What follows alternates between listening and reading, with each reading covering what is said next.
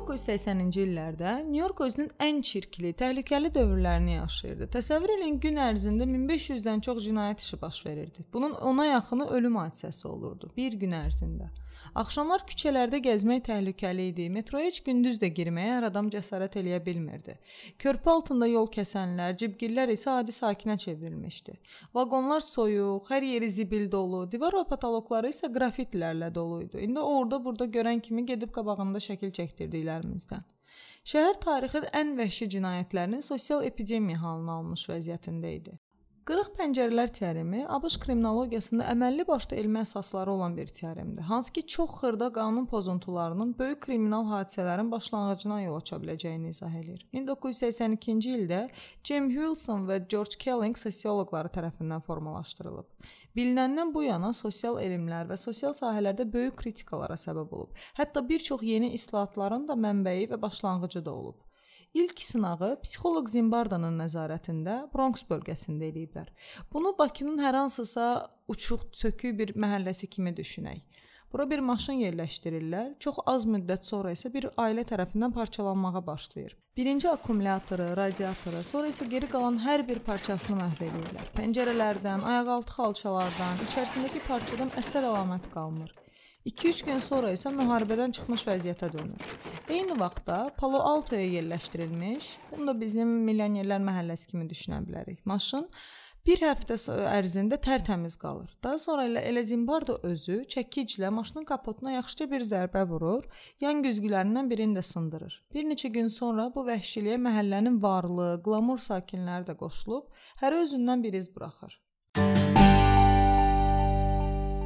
Bu sınaq biraz beyinlərdə olan sosial fərqə görə mülkə ziyan vurma baryerlərini sındırır və düşüncələrini biraz da olsa dəyişir. Demək ki, həmin bahalı evlərdə qalan insanlar heç də kasıb, baxımsız məhəllədə qalanlardan daha mədəni ya da daha az ziyanlı deyillər. Bir müddət öz fəaliyyəti dövründə xeyli uğurlar əldə etmiş Nyu-Yorkun keçmiş bələdiyyə sədri Giuliani ona ünvanlanan bu qədər cinayətlərlə necə başa çıxırdı sualına belə cavab verir. Tərk edilmiş bir bina düşünün.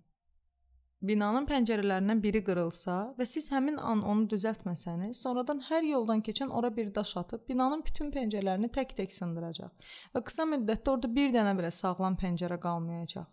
Mən də hər ilk pəncərə sınanda onu dərhal təmir etdirdim. Tək pəncərə yox, küçədə elektrik dirəyinin yanına ya da binanın küncünə atılan hər bir ilk zibili götüzdürdüm. Əgər həmin kiçik dağıntılara bir reaksiya gəlməzsə, orada qanunların işləmədiyini düşünüb yeni cinayətləri çox rahat yol verə biləcəklər. Belə sınıq şüşələr hər birimizin həyatının müəyyən hissələrində var. Səhər yığılmayan pastel, ütülənəsi paltarlardan ibarət dağ, mətbəxdə yuyulmağı gözləyən yağı qurumuş qablar, inboksumuzda cavablanmayan mesajlar, ya da biraz da kənara çıxsaq, yazılı, hətta bir knopkası yandırılmış lift, oturacağı sınıq dayanacaqlar.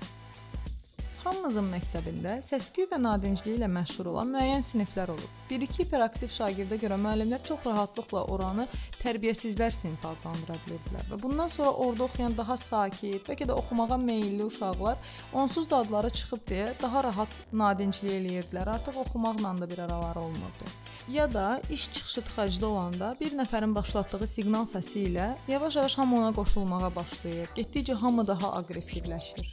Əgər bir cəmiyyətdə ümidsizlik işarələri görünür və bu heç kimin vecinə deyilsə, getdikcə xətaların, cinayət cinayətlərin sayı artmağa başlayacaq.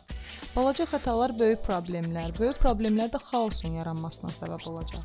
Münasibətlərimizə nəzər salsaq necə? Orada da yəqin xeyli sayda sınıq pəncərələrə rastlayarıq. İlk sınan pəncərəni düzəltməmiş növbətlərə keçirlər və növbəti, növbəti. Beləliklə artıq heç bir pəncərənin bərpa olunmasına ehtiyac qalmadan bütün münasibəti xarabaya qoyub sonra da uzaqlaşırlar.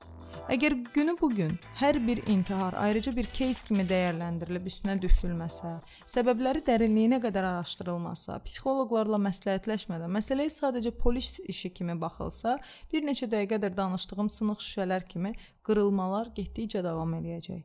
Hər bir fərd yüksəldikcə özü ilə bir çox insanı qaldırdığı kimi yıxılanda da bu baş verir. Hər bir intihar növbəti intiharların xəbəridir və bu xəbəri diqqətlə dinləyib qabağını almaq lazımdır. Hələlik. Thank you